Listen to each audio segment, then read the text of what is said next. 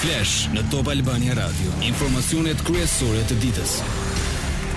Përshëndetje, ju njohim me lajmet e orës 16. Gjykata e Posaçme la në fuqi arrestin me burg për ish zëvendës drejtorin e bluve të Tiranës Erzen Breçani, shefin e krimeve të komisariatit numër 6 në kryeqytet Dedan Gjoni, si dhe ndaj Bujar Gërmizit, i njohur me mbiemrin Ajazi dhe Besmir Muratit. Gjoni akuzohet se ka bashkëpunuar me Gërmizin dhe Muratin për planin e vrasjes së dy vëllezërve që jetojnë në Britaninë e Madhe. Çështja Partizani shtyhet për nesër në mesditë seanca për pasuritë e Jamarbër Malltezit. Gjyqtarja Miljana Muça duhet të shprehet mbi kërkesën e SPAK-ut që gjykatësja Iliriana Olldashi të përjashtohet nga gjykimi për konflikt interesi. Muça ende nuk ka vendosur nëse do ta pranojë apo jo këtë kërkesë. Në Apelin e Posaçëm nesër ka dhe një seancë tjetër që mbahet po nga Iliriana Olldashi pasi avokatët e Berishës dhe Malltezit kërkojnë shuarje të masave të sigurisë. Olldashi vendosi arrest shtëpie, por SPAK-u paralajmëroi se do ta kundërshtojë çështjen në Gjykatën e Lartë, duke kërkuar kthimin në burg të dhëndrit të ish-kryeministrit. Pranga drejtorit të Inspektoriatit të Mbrojtjes së Territorit në Bashkinë e Sarandës, Nasip Hoxha, pesëdhjetë e shtatë vjeçari dyshohet për shpërdorim detyre. Në këtë post, Hoxhaj, ishte prej rreth pesë muajsh. Ai është drejtori i tretë në Bashkinë Sarandë që ndalohet me urdhër të prokurorisë në nëntëmbëdhjetë muaj. Dy të plagosur në Vlorë, vetëdorëzohet në polici një oficer ushtrie, një tridhjetë e katër vjeçar goditi me thikë një njëzet e katër vjeçar, i cili udhëtonte me makinën me drejtues vëllanë e tij njëzet e shtatë vjeç, ky i fundit pjesë e Forcave të Armatosura. Bëhet e ditur se ai nxori pistoletën e shërbimit dhe qëlloi ndaj personit që i plagosi vëllanë. Në Malësinë e Madhe, një tridhjetë e tetë vjeçare u plagos me thikë nga bashkëshorti i saj në fshatin Grishë, për fat të mirë e lënduara është jashtë rreziku për jetën. Uniformat blu arrestuan autorin e dyshuar. Ngjarja ndodhi për motive të dobëta. Lajmet në internet në adresën www.topalbaniaradio.com. Në Pallatin e Kongreseve në Tiranë, Samiti i tretë i Diasporës bëri bashkë shqiptarë nga mbarë bota, presidentët e Shqipërisë dhe të Kosovës, Bajram Begaj dhe Vjosa Osmani. Sot, qindra mijëra shqiptarë të diasporës janë shndërruar në histori suksesi. Diaspora është promotorja më efiçente e kulturës dhe identitetit tonë. Kartvizita e shqiptarisë në botë. Mërgata jonë është sublimim i përpjekjeve të gjata e të kahershme për liri, për pavarësi dhe për shtetndërtim. Prandaj jam jashtëzakonisht e nderuar që jam sot këtu në Tiranë, në qytetin i cili na mbledh zakonisht ne shqiptarëve kudo që jemi. Kryeministri Rama dha mesazhin se së bashku mund t'i ngrejmë shqiptarët ku nuk kanë qenë më parë, ndërsa njoftoi.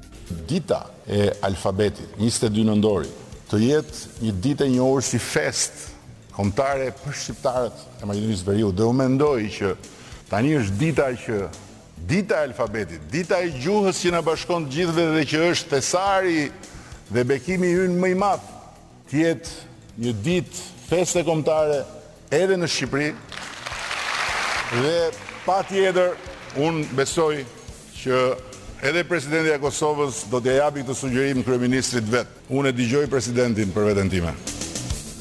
Për shqiptarët nga Maqedonia e Veriut dhe Mali i Zi në Samitin e Diasporës folën Ali Ahmeti, Nik Gjeloshaj dhe ish-kryeministri Dritan Abazoviq. Europa nuk mund të jetë e qetë Edhe pa Shqipërinë, Maqedoninë, Kosovën, Malin e Zi.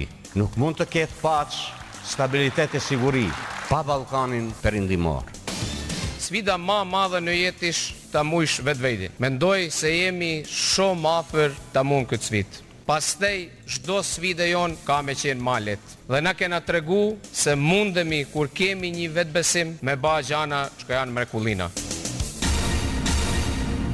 Vazhdojmë me lajmet, Parregullsitë me fondet e Bashkimit Evropian për bujqësinë, të dhëna nga IPARD në Shqipëri përbëjnë tridhjetë e tre pikë pesë milionë euro, shifra është dy pikë pesë herë më e lartë se shuma trembëdhjetë milionë euro që nuk është përdorur në mënyrë të rregullt nga Maqedonia e Veriut, Serbia, Mali i Zi, Bullgaria, Rumania dhe Turqia. Të dhënat raportohen në një dokument pune të Komisionit Evropian, shuma totale e parregullsive e gjetur në shtatë shtete të Ballkanit është rreth dyzet e shtatë milionë euro nga të cilat shtatëdhjetë e një për qind i takojnë Shqipërisë dhe trembëdhjetë milionë euro ose njëzet e nëntë për qind gjashtë vendeve të tjera. Lajme nga rajoni.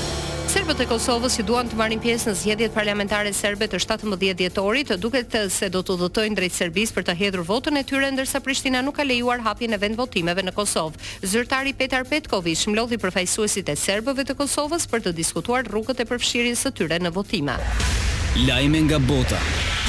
Lirimi i pengjeve bazuar në një armëpushim të përkohshëm Izrael-Hamas nuk ndodh sot. Dje Izraeli dhe grupi radikal palestinez ranë dakord për një armëpushim në Gaza për të paktën katër ditë për të lejuar hyrjen e ndihmave si dhe lirimin e pesëdhjetë pengjeve izraelitë në këmbim po të lirimit të njëqind e pesëdhjetë palestinezëve të burgosur në Izrael.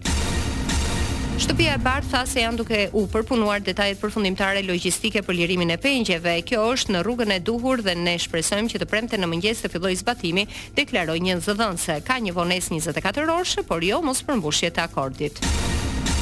Në Gjermani, mbi treqind policë morën pjesë në kontrollet e sotme në shtëpitë e mbështetësve të Hamasit, agjentët mësynë në pesëmbëdhjetë banesa, njëmbëdhjetë prej të cilave në Berlin. Masat u urdhëruan nga gjykatat për të zbatuar ndalimet dhe sqaruar më tej strukturat e grupit tashmë si Hamas. Populisti i ekstremit të djathtë anti-islamiku Geert Wilders fiton zgjedhjet parlamentare në Holandë, rezultati i arritur e vendos në linjë për të udhëhequr bisedimet lidhur me formimin e një koalicioni të ri qeverisës dhe ndoshta të bëhet kryeministri i parë i djathtë në një kohë trazirash politike në pjesën më të madhe të kontinentit.